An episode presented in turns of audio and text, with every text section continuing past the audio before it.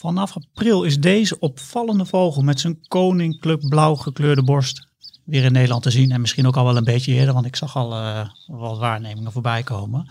Maar samen met Roots-redacteur en vogelkenner Paul Beuren duik ik in deze podcast dieper in de wereld van deze vogel, die je vaker eerder hoort dan ziet. We hebben het dus over de blauwborst. Paul, het is vandaag een beetje een, uh, een rare dag, misschien maandag 30 maart 2020. Nederland staat bijna helemaal stil. Op de snelweg buiten die ik hier zie uh, rijden wel auto's, maar niet zoveel als normaal. De coronavirus waard door Nederland. Hoe uh, heeft dat nog invloed op het kijken van vogels bij jou of niet? Nou, wat ik het meest opvallende vind is als je nu in de tuin gaat zitten, dat je gewoon zoveel vogels hoort. Ja, en het is gewoon doodstil door de week. En dat is wel heel apart. En daardoor hoor je de vogels gewoon veel meer zingen dan, dan, dan normaal. En dat, ja, dat vind ik wel echt wel heel bizar eigenlijk. Dus dat is nog een klein lichtpuntje in deze toch wat uh, nou ja, moeilijkere tijden, zullen we maar zeggen. Ja, wat, wat, ik, wat ik voor mezelf het meest opvallend vind de afgelopen week, is dat ik, ik ga aan het eind van de, de, de, de dag, zeg maar, vlak voordat het gaat schemeren, nog wel eens een rondje uh, om bij ons uh, door, de, door de buurt. En vorig jaar zaten er opvallend veel ransuilen met, met jongen. Vier paren in een, nou, zeg maar een straal van twee kilometer rond ons huis. Wat, wat echt heel veel is. Maar er waren toen ook heel veel muizen. Dus ik dacht van de week van, nou, ik ga gewoon eens langs die plekken lopen om te kijken of die ranzuilen er weer zitten. En ik had nog nooit een balsende ranzuil uh, van dichtbij gezien. En ja, ik wist echt niet wat ik hoorde, want die, dat mannetje vliegt dus dan rond, klapt met zijn vleugels. En de vrouwtje zit te roepen, die roept een soort weg uit. En het mannetje hoe, hoe, hoe. En er was natuurlijk helemaal niemand op straat. Dus ze waren gewoon actief en helemaal niet verstoord. En ik heb gewoon nu drie avonden achter elkaar al bij een paar wat vlak bij ons zit. S'avonds gewoon daar ben ik bij gaan zitten. En ja, je hoort ze gewoon een uur lang uh, roepen. En, en nou, dat had ik nog nooit eerder gehoord. En, en, dat komt denk je omdat het zo stil is buiten? Ja, want uh, de mensen die nog langs fietsen of lopen, die lopen met een boog om je heen. Maar ik heb eigenlijk helemaal niemand gezien. Nee, dus ondanks alles heb je dan toch nog weer een mooie ervaring. Heb je, heb je ook de indruk dat het, dat het luisteren naar vogels misschien juist nu wel even prettig is? Na al die nieuws die je het over je heen krijgt. Dat je dan even in je tuin gaat zitten en even even ontspannen? Ja, het was natuurlijk van de week ontzettend mooi weer, veel zon. Dus ik denk dat wel meer mensen in de tuin zijn gaan zitten of voor het huis. He, omdat je toch zo min mogelijk op pad uh, gaat of mag gaan. Ja. En, en, dat dus ook doet. Maar uh, ja, dat, dat vond ik toch wel, uh, dan, als je dan even toch kan ontspannen. Dan, en je hoort zo Merel weer zingen, de zanglijster en de hegemus. Want op dit moment zijn erg veel vogels juist actief met zang. En de tjifjaf bijvoorbeeld, waar we het laatst al over gehad hebben. Ja, dat, dat, dat hoor je nu. En uh, misschien wel meer dan ooit. Dus uh, ja, daar moet je dan gewoon maar van proberen te genieten, denk ik. Ja, nou, ondanks alles gaan we toch naar buiten, de tuin in. En als het kan ook voorzichtig een natuurgebied in als de ruimte toelaat.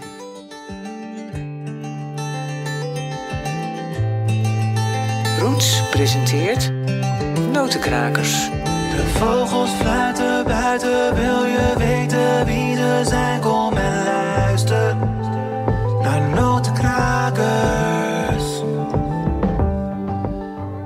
Welkom bij de podcast Notenkrakers. Mijn naam is Daniel Mulder en in deze podcast neem ik je mee in de wereld van de zingende, chilpende, piepende en kwakende vogels. Maar voor we verder gaan praten over de blauwborst, waar deze podcast dus over gaat, bel ik eerst met Timo Roeken van waarneming.nl om in vogelvlucht te horen wat er allemaal gebeurt in Vogelland Nederland. In Vogelvlucht. Timo, goeiedag.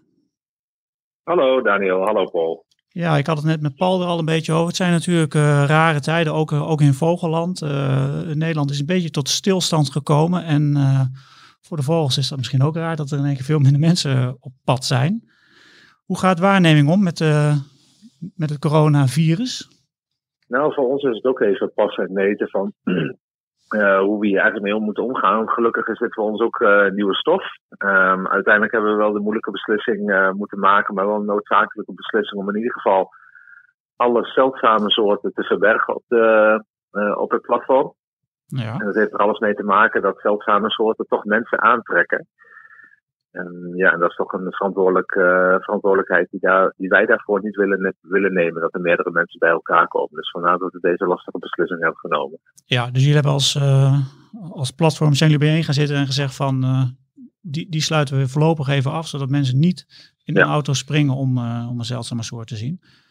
Ja, ja, mensen hebben vaak natuurlijk wel de beste bedoelingen. En die, die, die passen ook goed op elkaar. En op zichzelf. Maar op het moment dat er dan bijvoorbeeld een nieuwe soort van Nederland wordt gezien, dan is die, dan is die neiging soms om toch te vertrekken lastig te onderdrukken.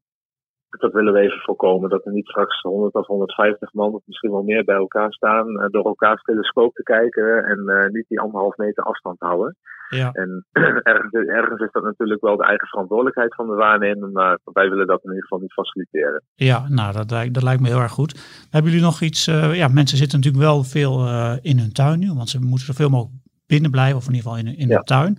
Dan gaan mensen vogels kijken, vlinders en andere dingen die ze waarnemen. Doen jullie daar iets mee? We hebben mensen aangemoedigd om inderdaad wel gewoon uh, van de natuur te blijven genieten. Um, in deze onzekere tijden is het gewoon belangrijk om. Uh, natuur, maakt nou, natuur maakt nou eenmaal gelukkig. Dus het is belangrijk om daarmee bezig te zijn. Dus we hebben mensen aangemoedigd. Nou, maak nou eens een uh, eigen gebiedje aan van je tuin. En kijk eens wat er allemaal in te vinden is. Dus we hebben ook via de nieuwsbrief hebben we dat laten weten. Maar ook op onze site staat een bericht van kijk nou eens in je tuin en ga zelf eens op zoek. Want er is zoveel meer te vinden dan je waarschijnlijk denkt. Uh, om een voorbeeld te noemen van als, alleen al als je al eens een, een, een pot optilt waar je, een, waar je een bloem of een struik in hebt staan. Daaronder zitten waarschijnlijk alweer twee of drie soorten die je misschien nog nooit hebt gezien. Um, en um, dat is niet alleen vogelvoer, maar dat zijn ook gewoon soms hele mooie soorten om te zien. Zoals uh, duizendpoten en verschillende soorten vissenbedden en regenwormen. Dus we proberen mensen wel echt te laten genieten van de natuur, echt dicht bij het huis. Ja, daar kunnen ze ook een bioblitz voor aanmaken. En een, een bioblitz is een, een soort van uh, wedstrijdje met jezelf. Dus je kunt uh, aangeven, dit is mijn eigen gebied, dit is mijn tuin. En ik wil bijvoorbeeld in mijn tuin wil ik dit jaar 200 soorten zien. Uh, en dan kun je dat dan aangeven. En dan houden wij precies bij van op, wat, wat is het percentage wat je, wat je al gehaald hebt. Welke soorten heb je allemaal gezien. Dus zo maakt het een beetje een spel voor de mensen om, uh, om in, in hun eigen tuin op ontdekking te gaan. Ook heel erg leuk om met de kinderen te doen. Ja, dus je gaat op een soort safari in, in eigen tuin, om het zo maar even te zeggen. Jij noemt net het getal ja. uh, 200 soorten. Dat klinkt mij als een duizelingwekkend aantal in de oren. Dat valt misschien in de praktijk om mensen alle insecten mee gaan tellen. Maar kun je daar echt, kun, kun je 200? Is te halen op jaarbasis? Ja, met, met gemak. Ik heb zelf heb ik een heel klein tuintje. Um, ik heb een, een kleine voortuin van denk ik uh, vijf bij 7 meter en een achtertuin die niet heel veel groter is. En het is nu, uh, inmiddels is het uh, nou, eind maart en ik zit nu al op de 100 soorten. En dan moeten alle insecten en de planten en zo moeten nog uh, bijna gaan komen. Ja, en mag je dan de vogels die overvliegen, tellen die mee of moeten ze in je tuin landen? Ja, vind ik wel. Het moet wel leuk blijven natuurlijk. Dus alles wat je ziet en hoort over je tuin heen, gewoon tellen, gewoon invoeren. Ah, Oké, okay. en wat, wat kunnen we zoal nu zien, zien overvliegen? Zijn er al soorten die nu heel specifiek zijn te noemen? Uh, nou, we hebben de laatste tijd natuurlijk veel uh, van de Oost-Wind gehad. Um, en dat, dat levert soms wel wat leuke roofvogels op, zoals de rode wouw. Veel mensen hebben de laatste tijd wel rode wouw gezien.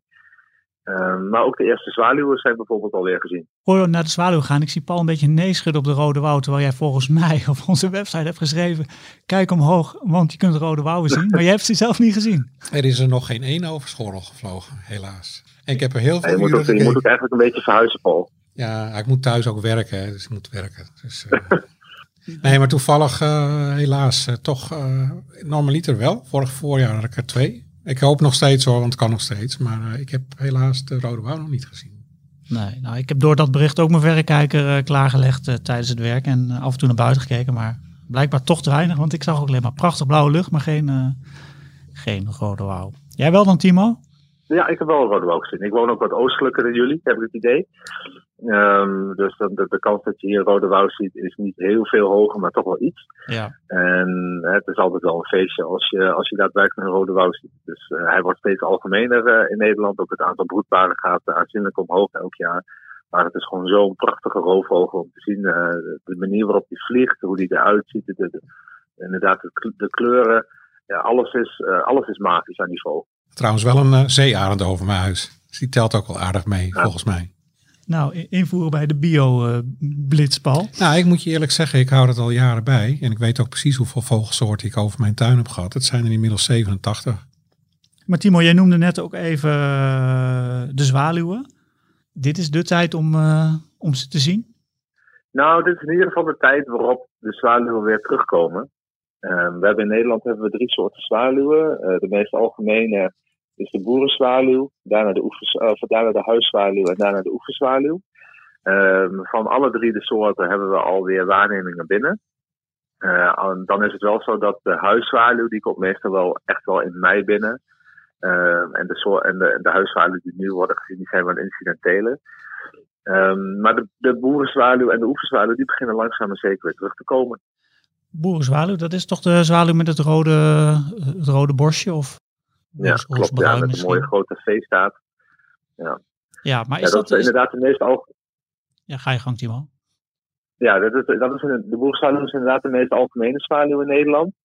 Volgens mij broeden er meer dan 200.000 broedpaardjes eh, in, eh, in Nederland.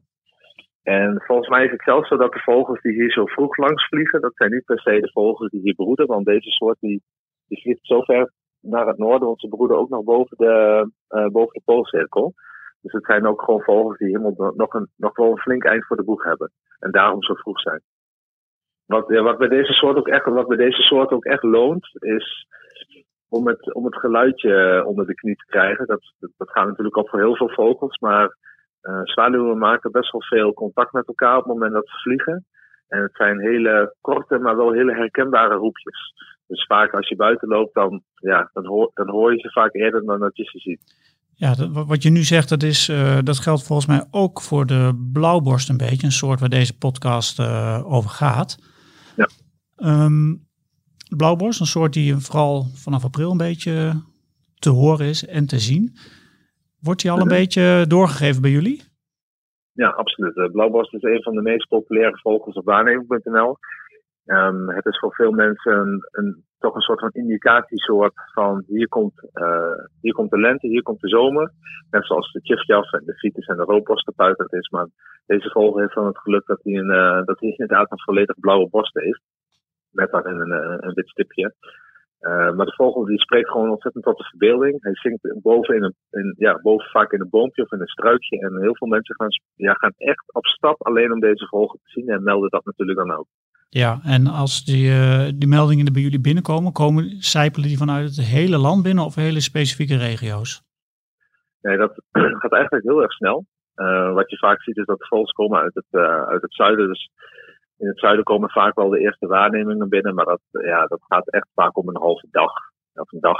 En dan zijpelt het langzaam maar zeker wel heel Nederland weer binnen. Als ik vandaag naar buiten ga, is de kans g- groot, gering? Eh, Ja, zeker. klein? Ja, ja. Als je, nee, nee, dit dit is goed te doen als je in het juiste biotoop ziet. Ehm, eh, dus een beetje in, eh, in, de, in de gebieden waar ook bijvoorbeeld in veengebieden, daar zie je ze vaak, of in, of in heide. Daar kun je ze Mhm. goed vinden, maar volgens mij ook in, de- in, de, in de duinen. Ehm, het is, ja, het, ook het, het, het is een vogel die goed te herkennen is. Als je hem in de, in de kijker hebt, dan is hij eigenlijk niet te verwarren met, met andere vogels in Nederland, wat gewoon heel erg scheelt. En eh, ook de zang is gewoon heel erg eh, ja, kenmerkend. Dus, hij komt wat langzaam op gang, wat stotterend, en dan begint het liedje. Ja, Paul, heb jij al een eh, je eerste blauwborst van het jaar? Ja? Want die is eh, heb ik wel. Die heb ik wel. Ja, ik woon vlakbij de duinen.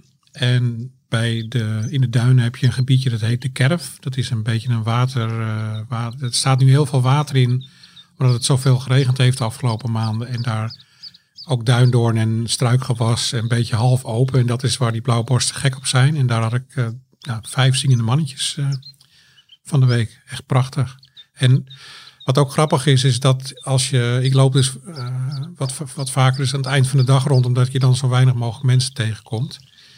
En die blauwborst zingt ook in de schemer. Dus dan, dan is het eigenlijk de enige vogel die in de schemer zingt. Dus dat was wel weer kicken, dat je hem dan weer hoort. En ja, dat het voorjaar er echt, echt begonnen is. Dat geldt voor mij ook. Ja, want- wat je nu, wat je nu, wat je nu zegt, Paul, ehm, hij zingt in de schema. Is dat dus ook het moment dat je naar buiten moet gaan eigenlijk, als je hem wil horen? Nee hoor, nee, blauwborst zingt de hele dag. Zeker nu ze net aankomen, zingen ze gewoon eigenlijk eh, om de zoveel minuten begint hij wel weer. En tussendoor gaat hij dan weer even voedsel zoeken, want ze hebben natuurlijk honger na de, na de trek. Maar, uh, maar zo in het schema, het is een van de weinige vogels die echt in de schemer, uh, tot laat in de schemer zingt. Dus dat, mm -hmm. is, dat is wel dan weer... Uh... Wat inderdaad leuk te weten is, hij zingt, wat Paul zegt, dat, dat klopt als een bus. Hij zingt inderdaad tot laat in de schemer. En dat heeft er alles mee te maken. Er is nog een soort die dat in Nederland doet. En dat is zijn neefje eigenlijk, dat is de nachtegaal. Dat is eigenlijk dezelfde familie.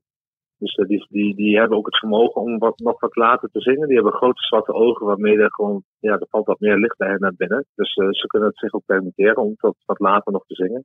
Timo, uh, dank je wel voor je, voor je uitleg deze keer. En we spreken, je, spreken je volgende maand weer. Oké, okay, tot dan. Tot ziens. Timo. Dat was Timo Roeken van, van waarneming.nl. Iedere maand bellen we even met hem om, om te horen wat er allemaal is gezien in, in Nederland, Vogelland. Deze keer is dat net even wat anders, omdat de bijzondere waarnemingen dus zijn, uh, geen afgeschermd. Om te zorgen dat niet iedereen uh, naar buiten gaat. Verder had Timo het over, uh, over zwaluwen, boerenzwaluwen, huiszwaluwen. Je kunt ze nu spotten. En we hebben het even over de blauwborst gehad. En daar gaan we het straks nog uitgebreid verder over hebben.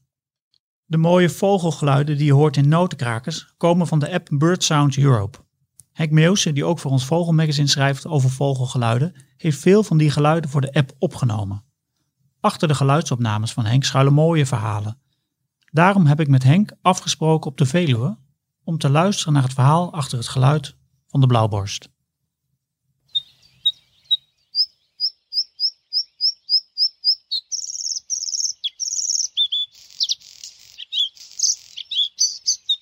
Henk, wat horen we hier eigenlijk? De blauwborst. Dat was echt een soort waar ik zelf nogal lang over heb moeten doen. Ik kom oorspronkelijk van de zandgrond en van de dennenbossen. Voordat ik die uh, überhaupt tegenkwam, maar voordat ik ook die zang goed in de vingers had. Want het is niet een zang waarvan je zegt, um, daar word ik vrolijk van, het spat er vanaf. Er zullen trouwens mensen zijn die het niet met me eens zijn. Uh, het is niet een, een merelzang met hele mooie, welluidende tonen of een vinkenzang die heel mooi... Het is een geknisper en horten en stoten komt het op gang. Maar ja, het is wel een zang waar je, ja, eigenlijk dan nog een keer naar moet luisteren van wat doet hij nou eigenlijk allemaal precies. Ja, want het is inderdaad, hij komt langzaam op gang. We gaan heel even luisteren nog naar dat geluid.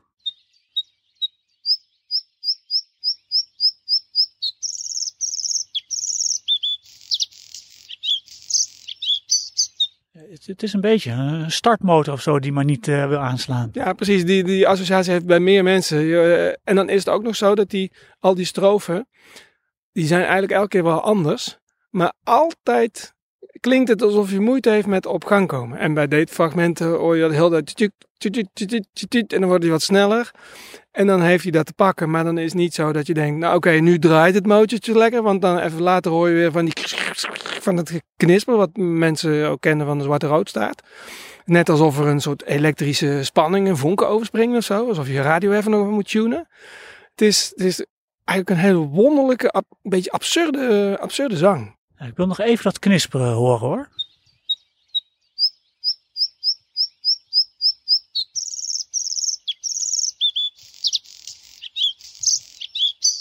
Het is een beetje elektriciteit, hè? Een beetje onweerachtige geluidjes zijn het. Ja, dit is, maar, eh, je weet eigenlijk niet wat je hoort. Ik zou ook niet weten hoe hij dat precies doet. Het zijn geen. Ja, het, het is heel raar. Er zijn eigenlijk maar een paar soorten waarvan we dit kennen. En ik snap ook, ja, wat ik zelf dus had, dat mensen moeite hebben om deze zang te, ja, niet te doorgronden, maar ook gewoon te herkennen. Want als je dit hoort, moet je je voorstellen dat, uh, nou, je bent niet per se verder gevorderd in het zingen, want je kunt in het begin ook wel zingen, maar dat er nog allerlei andere dingen tussen zitten te zingen. Hoe pak je die blauwborsten dan uit, terwijl het eigenlijk geen duidelijke aanknopingspunt heeft? Dat is echt lastig. Maar hoe, uh, want, want de luisteraars nu, die willen wel graag een aanknopingspunt. en jij moet ze die gaan bieden. Um, nou, als het nergens naar klinkt. Nee, nee, dat is, dat is flauw. Nee, maar de, de, ja, die horten en die stoot in het begin. Dat het echt lijkt alsof je op gang moet komen. Wat jij zegt, een beetje een startmotor. Of, of, of uh, dat vind ik wel een goede, dat is een goede aanwijzing. En wat eigenlijk een hele goede aanwijzing is, maar dan moet je hem echt goed een tijdje kunnen volgen. Is dat het een hele lange stroof is. Hè, het, er zitten duidelijk pauzes tussen. Want Kijk, in deze app, uh, als je bijvoorbeeld een aantal zangstrofen wil laten horen, dan moet je een fragment van twee minuten maken, bij wijze van spreken. Want die ene strofe duurt 16 seconden. Dan pauzeert die. Heb je weer een lange strofe. Dus het is opvallend dat die strofe heel lang is. Maar heel veel eh, vogels die zingen of helemaal continu door. Of ze hebben een vaste strofe en pauzeren weer. Dus de opvallende lange strofe. En het, het moeilijk op gang komen. En dan zeker aan het eind die knisperende, eh, knetterende geluidjes. Dat zijn wel eh, drie aanknopingspunten. Is dat genoeg? Heb, ik- heb je nou eh, wat jij hebben wilt? Ja, drie, ik denk dat ik het ongeveer ga begrijpen. Maar het, het is wel zo'n typisch geluidje waar je even, even op moet oefenen. Was het ook een geluidje waar je lang naar op zoek bent geweest? Nou ja, wat ik al zei, ik kom van de... Oh nee, dat geldt niet, want in Brabant toen ik daar woonde, toen nam ik nog niet op. Maar toen ik ben gaan opnemen... ehm, nou, ik kwam ooit een blauwborst tegen in de weerribben. En dat was trouwens deze blauwborst van de opname.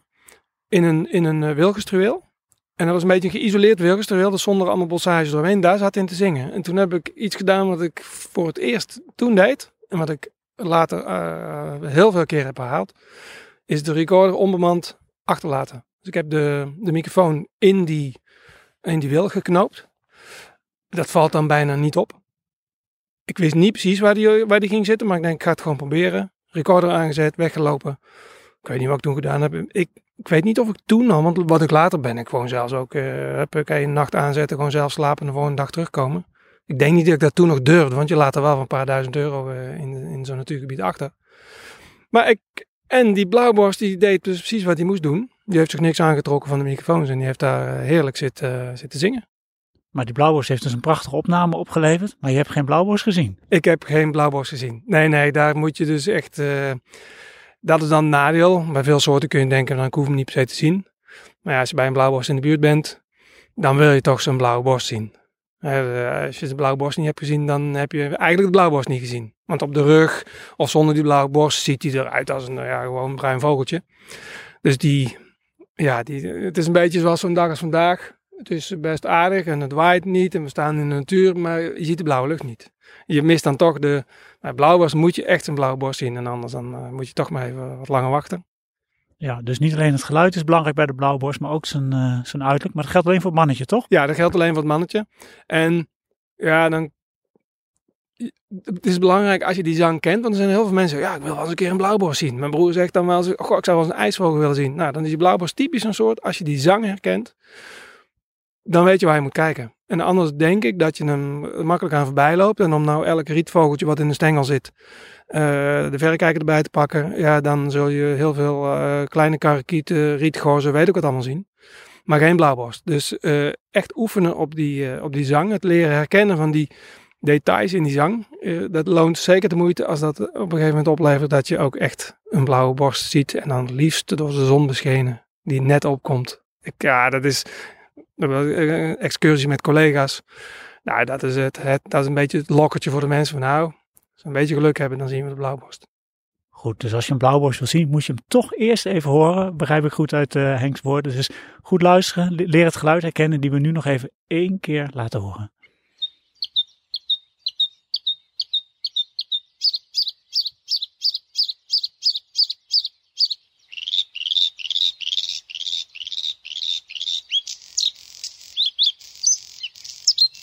Je luisterde net naar Henk Meeuwse, die wat vertelde over, eh, over de blauwborst en het eh, knisperende geluid dat, dat kan maken. Tijdens het luisteren moest ik in één keer denken aan, eh, aan die mooie blauwborst, natuurlijk van die vogel.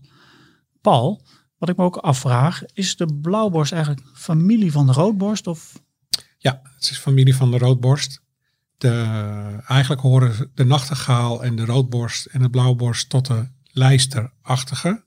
Het zijn ook eigenlijk gewoon een beetje, ja, ja het is familie van de zanglijster en de merel, zeg maar. Eh, en ze, ze lopen ook veel over de grond.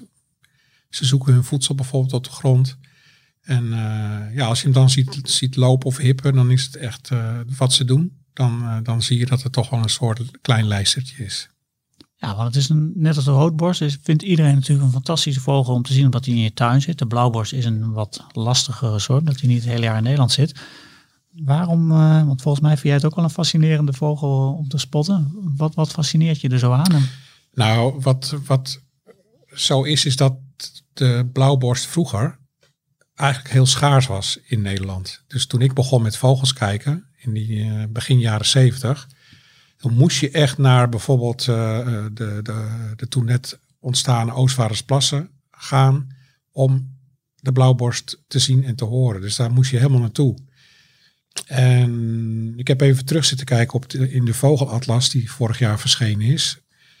Uh, want daar staat natuurlijk veel informatie in over het voorkomen van de blauwborst. Dat die uh, zeg maar vanaf de jaren 80 eigenlijk zich steeds meer uitbreiden. En dat kwam doordat de biesbos toen steeds geschikter werd als broedgebied voor deze vogel, die van combinatie van woud, water en moerasgebiedjes uh, houdt. En de Oostvaardersplassen. De was een, uh, ontstond toen net helemaal. Hè. Het werd een heel groot moerasgebied. Ja, van daaruit eigenlijk is die blauwborst begonnen met een gigantische opmars. Omdat hij daar gewoon eigenlijk de, de, de, de, de populatie ontplofte, om het zo maar te zeggen. En wat ook zo is, is dat zo'n blauwborst meestal wel twee keer in een jaar broedt en ook nog eens tot zeven eieren legt. Dus dan kan je wel nagaan dat als hij eenmaal zich ergens uh, uitbreidt, dat het dan ook best wel snel gaat. En dat is dan vooral sinds de jaren 2000 is dat ja, zo'n beetje in heel West- en vooral Noord-Nederland is dat, is dat, heeft hij zich uitgebreid.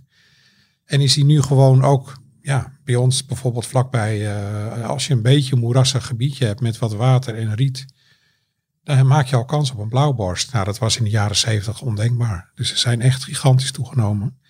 Wat je net uh, omschreef, uh, mo moerasachtige gebieden met water en zo, is, zijn dat de plekken waar ze zitten?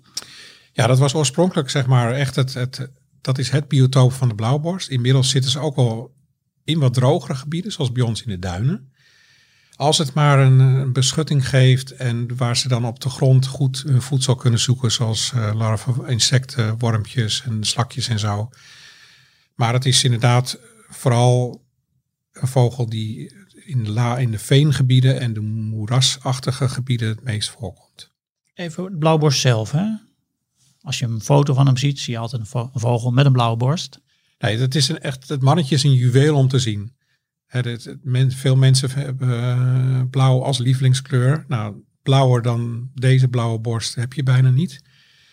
En dat in combinatie met het rood in zijn, uh, op zijn borst, ook uh, meer zijn buik, heeft hij een rode streep. En in de staart heeft hij hele grote rode zijvlakken. Nou, zoals nu dat ze net in Nederland binnenkomen en gaan zingen, dan zet hij die borst extra groot op als hij zingt. En dan alleen als hij zingt zie je die witte vlek die de blauwborst ondersoort heeft die hier in Nederland voorkomt. Ja, en dat is zo fascinerend om te zien als hij dan zijn bek open doet en gaat zingen. En dan komt die witte vlek tevoorschijn. En dat is, ja, dat spettert er gewoon uit. Noemen ze ook wel een witte ster. En als hij dan nu in de toptijd binnenkomt, dan zijn ze extra actief en gaan ze ook nog eens vliegen. Dus ze maken een soort balsvlucht. En vlak voordat hij dan gaat landen in een struik, spreidt hij die staart ook nog eens helemaal uit. Ja, dat is zo fascinerend. Mooi om te zien. Het vrouwtje daarentegen is, uh, is minder fraai van kleur. Heeft gewoon uh, meer bruin in het veerkleed en op de kop wat strepen. Het komt echter wel heel soms voor dat ook een vrouwtje een beetje blauwe borst heeft. Oké. Okay. Ja. Maar dat is... Uh, de meeste niet. Nee. nee. Dus de vrouwtjes zijn een beetje bruinig. Niet, ja. niet zo gekleurd. Mannetjes allemaal blauwe borst. En, en die witte ster die je net omschrijft, dat hebben ze allemaal. Dat is gewoon een kenmerk van de blauwborst. Ja, dat is best wel bijzonder. Want dat is slechts 5% van de populatie blauwborst in Europa heeft die witte ster. En die zitten eigenlijk alleen maar bij ons. In België, een beetje nog in Frankrijk. En tegenwoordig dan ook nog wat in Noordwest-Duitsland. Maar het overgrote deel van de blauwborst uh, broedt in Scandinavië en meer naar het oosten, naar Rusland. En die hebben een rode vlek in de borst in plaats van een witte. En daar zoeken eigenlijk alle vogelaars elk voorjaar wel naar. Want soms blijven die uh, tijdens de trek even in Nederland hangen. Uh, niet vaak, maar ze worden wel gezien. En het gebeurt heel af en toe dat er ook zo'n rode ster blauwborst bij ons broedt. Maar dat is heel incidenteel. Grappig is dat in Spanje heb ik ze ook wel gezien. Die zitten daar meer uh, boven in de bergen. En die hebben geen witte en geen rode. Die hebben helemaal geen vlek in de borst. Wordt ook wel gezegd dat dat een aparte ondersoort is. Maar uh, vond ik wel heel grappig om. Uh, die heb ik dus ook gezien. Oké, okay, je hebt dus eigenlijk drie soorten blauwborst. Eén met een witte ster, een rode ster en Eén, geen. Eén zonder, ja. En één zonder ster. Ja. Ah, dat, dat is wel weer, wel, wel weer bizar. Nog even over hoe je blauwborsten nou eigenlijk kunt spotten. Want ik lees wel eens of hoor wel eens dat je ze eigenlijk vooral hoort. En pas als je ze hoort dat je ze ook een beetje kunt spotten. Kun je iets uitleggen over hoe, hoe dat in zijn werk gaat als je hem wil, ook wil zien? Ja, nou als je, vroeger was dat zeker zo, maar tegenwoordig zijn ze gewoon zo algemeen geworden, met name in West- en Noord-Nederland dan. Als je nu naar een gebiedje in de buurt gaat waar je blauwborst zou kunnen zien, hè, dus met waterriet, eh, dan, dan ja, wat ze, wat ze nu gewoon doen is veel zingen. Om het kwartier eh, zingt hij wel weer. Als je gewoon ergens gaat zitten op een bankje en je op een plek waar je hem zou kunnen zien, dan op een gegeven moment gaat hij wel zingen. En dan, ja, dan maakt hij ook die balsvlucht. Dat doet hij juist in deze tijd. De komende weken eh, gaat het alleen maar toenemen. Ja, dan, dan kan je hem gewoon makkelijk zien. Daarentegen, als dat op een gegeven moment, als dat ophoudt, het zingen, ja, dan moet je echt heel goed zoeken, wil je nog een blauwborst kunnen zien. Want eh, ze, ze zoeken hun voedsel op de grond, ze broeden op de grond in dicht struikgewas. Ja, en dan gaan ze zich echt heel verborgen gedragen. En dan is het net een nachtegaal. Dan, dan, ja, dan, dan moet je echt ontzettend je best doen om ze te zien. Maar juist deze weken maak je de beste kans. Wat ook grappig is, is dat de blauwborst dus heel ver weg overwintert in westelijk Afrika. En ze trekken eigenlijk een beetje met de boerenzwaluwen op, zou je kunnen zeggen. Het grappige is dat ik van de week dus een paar blauwborsten hoorde zingen. Blauwborsten imiteren heel veel geluiden. Maar dat je nu dus heel veel die boerenzwaluwen erin hoort. Dus dat is wel, uh, ja, wel grappig. En dat pikken ze onderweg op of zo? Ja, dat pikken ze denk ik onderweg op. Want uh, ja, het, was, het viel me echt heel erg op van de week. Toen ik voor het eerst weer de blauwborst hoorde. Dus nou, het is gewoon een ontzettend mooie vogel om te zien. En ja, geniet ervan. Uh... Nou, dat, dat, dat, moet, dat moet zeker. Ik ga, zal ik het geluid nog even een keertje laten horen? Dat is misschien nog wel even fijn.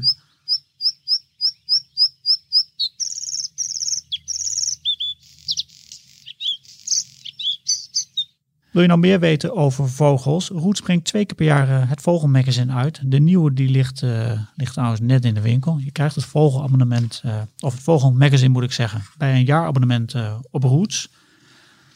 Het nieuwe nummer die kun je nu online bestellen, toch Paul? Ja, klopt. En wat, even, even heel kort, wat staat er allemaal in? Nou, het is een heel erg mooi, vrolijk, kleurrijk nummer geworden. Want we vertellen alles over de vogelbals. En dan laten we natuurlijk de mooiste vogels zien op de manier waarop zij mannetje, het vrouwtje het hof maken. We hebben ook een uh, wat, wat minder vrolijk artikel over de zomertortel. Die uh, steeds minder voorkomt in Nederland. Maar daar gaat vogelbescherming proberen wat aan te doen. Dus daar vertellen we meer over.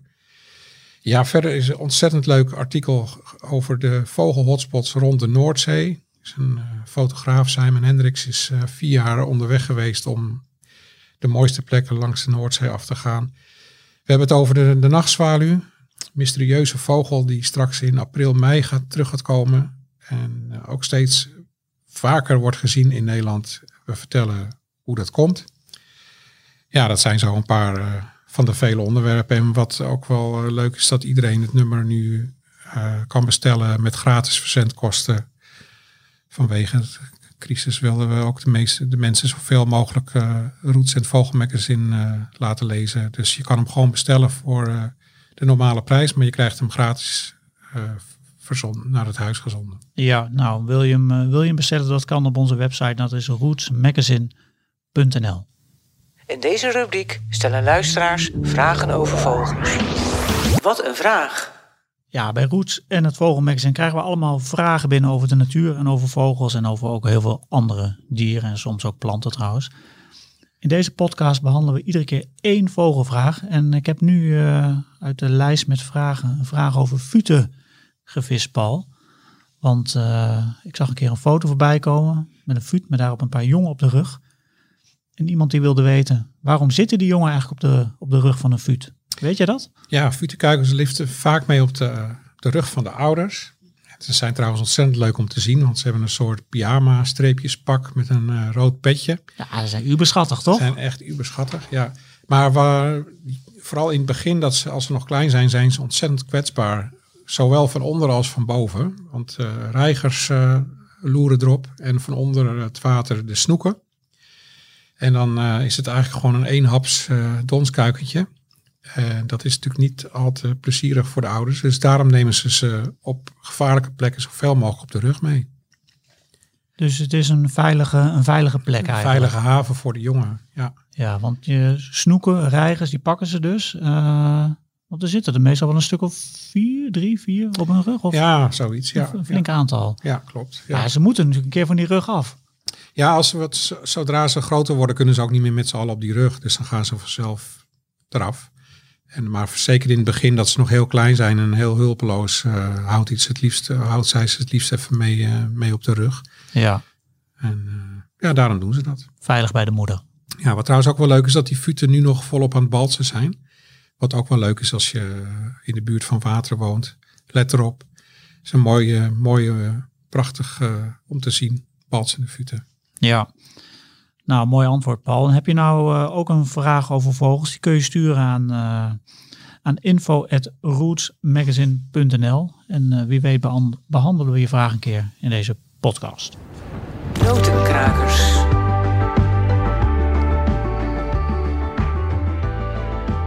Leuk dat je luisterde naar de podcast Notenkrakers. Je hoorde onder meer Henk Meeuwsen met een mooi verhaal over de blauwborst. Wil je nou ook die geluiden horen? Die kun je, die kun je allemaal afluisteren in de app Bird Sounds Europe. Alle geluiden die in deze podcast hoort, die komen van die app. Nou, we hadden het al even over het Vogelmagazine. Die kun je nu eh, bestellen online op rootsmagazine.nl. En dat wordt gratis eh, verzonden, zoals Paul al even uitlegde. Nou, je krijgt het, eh, je kunt ook een jaarabonnement op Roots nemen. En dan krijg je het Vogelmagazine erbij. De volgende podcast in mei, Paul, die gaat over de, Koekoek. Over de koekoek. Die ga ik eens even laten horen.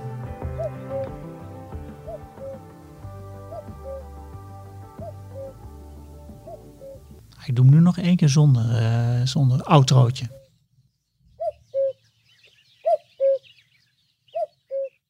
Dat is de koekoek, of niet? Dat is de koekoek. En als je het over een vogel hebt die je vaker hoort dan ziet, nou, dan is dit echt wel het voorbeeld. Want ik durf je op een briefje te geven dat de meeste luisteraars nog nooit een koekoek hebben gezien. Nou, ik zie die heel vaak eh, met, met jou te praten en met Timo. En dan komen er soorten voorbij die ik dan eh, eigenlijk volgens mij nog nooit gezien heb. Een rode wouw, ik noem maar eens even een dwarsstraat. Ja. Een blauwborst, ik noem maar eens even een dwarsstraat. Heb ik dus ook nog nooit van mijn leven gezien. Maar de koekoek heb ik dus wel gezien. Oké. Nou. Op, op de Veluwe. Hij vloog zo eh, voorbij. Roets. Ja, als je weet hoe die eruit ziet, dan wordt het al een stuk makkelijker. Want hij vliegt vaak heel laag over de bosjes. En ja, hij heeft een aparte vleugelslag, maar hij heeft het meeste weg van een, van een valk als je hem ziet vliegen. Maar de kleuren weer juist van een sperwer. Maar eigenlijk is een koekoek een vogel die het grootste deel van de tijd vanuit een bosje zit te loeren en te loeren en te loeren op kleine vogeltjes. Zodat hij uiteindelijk op een onbewaakt moment zijn ei natuurlijk in het nestje kan leggen. En vliegen doet hij eigenlijk heel weinig. En daarom zie je hem er gewoon niet zo vaak. Mhm. En, en eh, mei maand koekoekmaand. Dat is omdat dan eh, in mei alle vogels een ei leggen. En dat de koekoek dus eh, toe moet slaan. Ja, klopt. Ja, nee, de, de koekoek komt pas in mei eigenlijk binnen. En gaat ook al, de, de, de volwassen vogels vliegen eigenlijk al weer, weer heel snel weer terug naar Afrika. Zijn de jongen die vaak nog wat later in het jaar dan, dan ziet. Dan de mannetjes en vrouwtjes van de koekoek. Want eigenlijk zodra het ei gelegd is, dan houdt zij het, het nog wel een beetje in de smiezen. Maar die mannetjes vliegen eigenlijk al heel snel weer, eh, weer terug naar het zuiden. Ja. Het is een hele aparte soort waar we heel veel over kunnen gaan vertellen. Nou, daar ben, ik- daar ben ik heel benieuwd naar. Ik doe nog even de koekoek nu even lekker hard.